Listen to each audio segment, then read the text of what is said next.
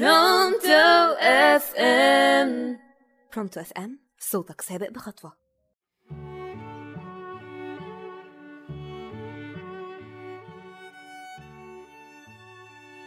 مساء الخير معاكم ندى السيد في حكاية كل يوم على راديو Pronto FM قصة المزارع الكسول والأرنب.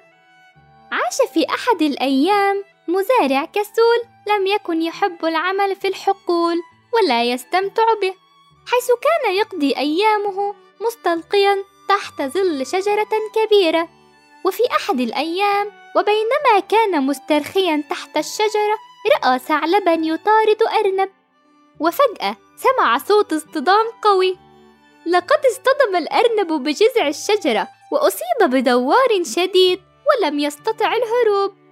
أخذ المزارع في الحال الأرنب قبل موته وهو يترنح. تاركا الثعلب متغاظا وذهب إلى منزله وقام بذبح الأرنب وأعد منه عشاء لذيذا وفي اليوم التالي باع ثروته في السوق.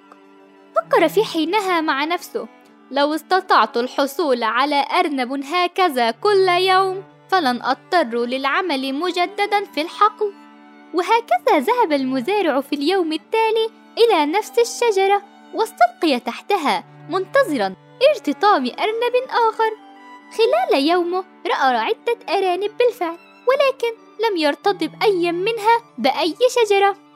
وذلك لأنه ما حدث معه في اليوم السابق كان صدفة نادرة الحدوث لكنه فكر قائلا لا بأس لا زال أمامي فرصة أخرى غدا.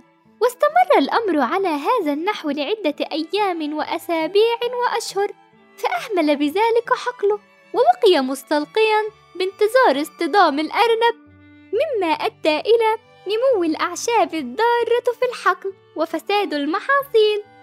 وتدور المزارع جوعا في نهاية المطاف لأنه لم يجد ما يأكله ولم يتمكن من اصطياد أي أرنب. قال رسول الله صلى الله عليه وسلم اللهم إني أعوذ بك من العجز والكسل. إلى اللقاء.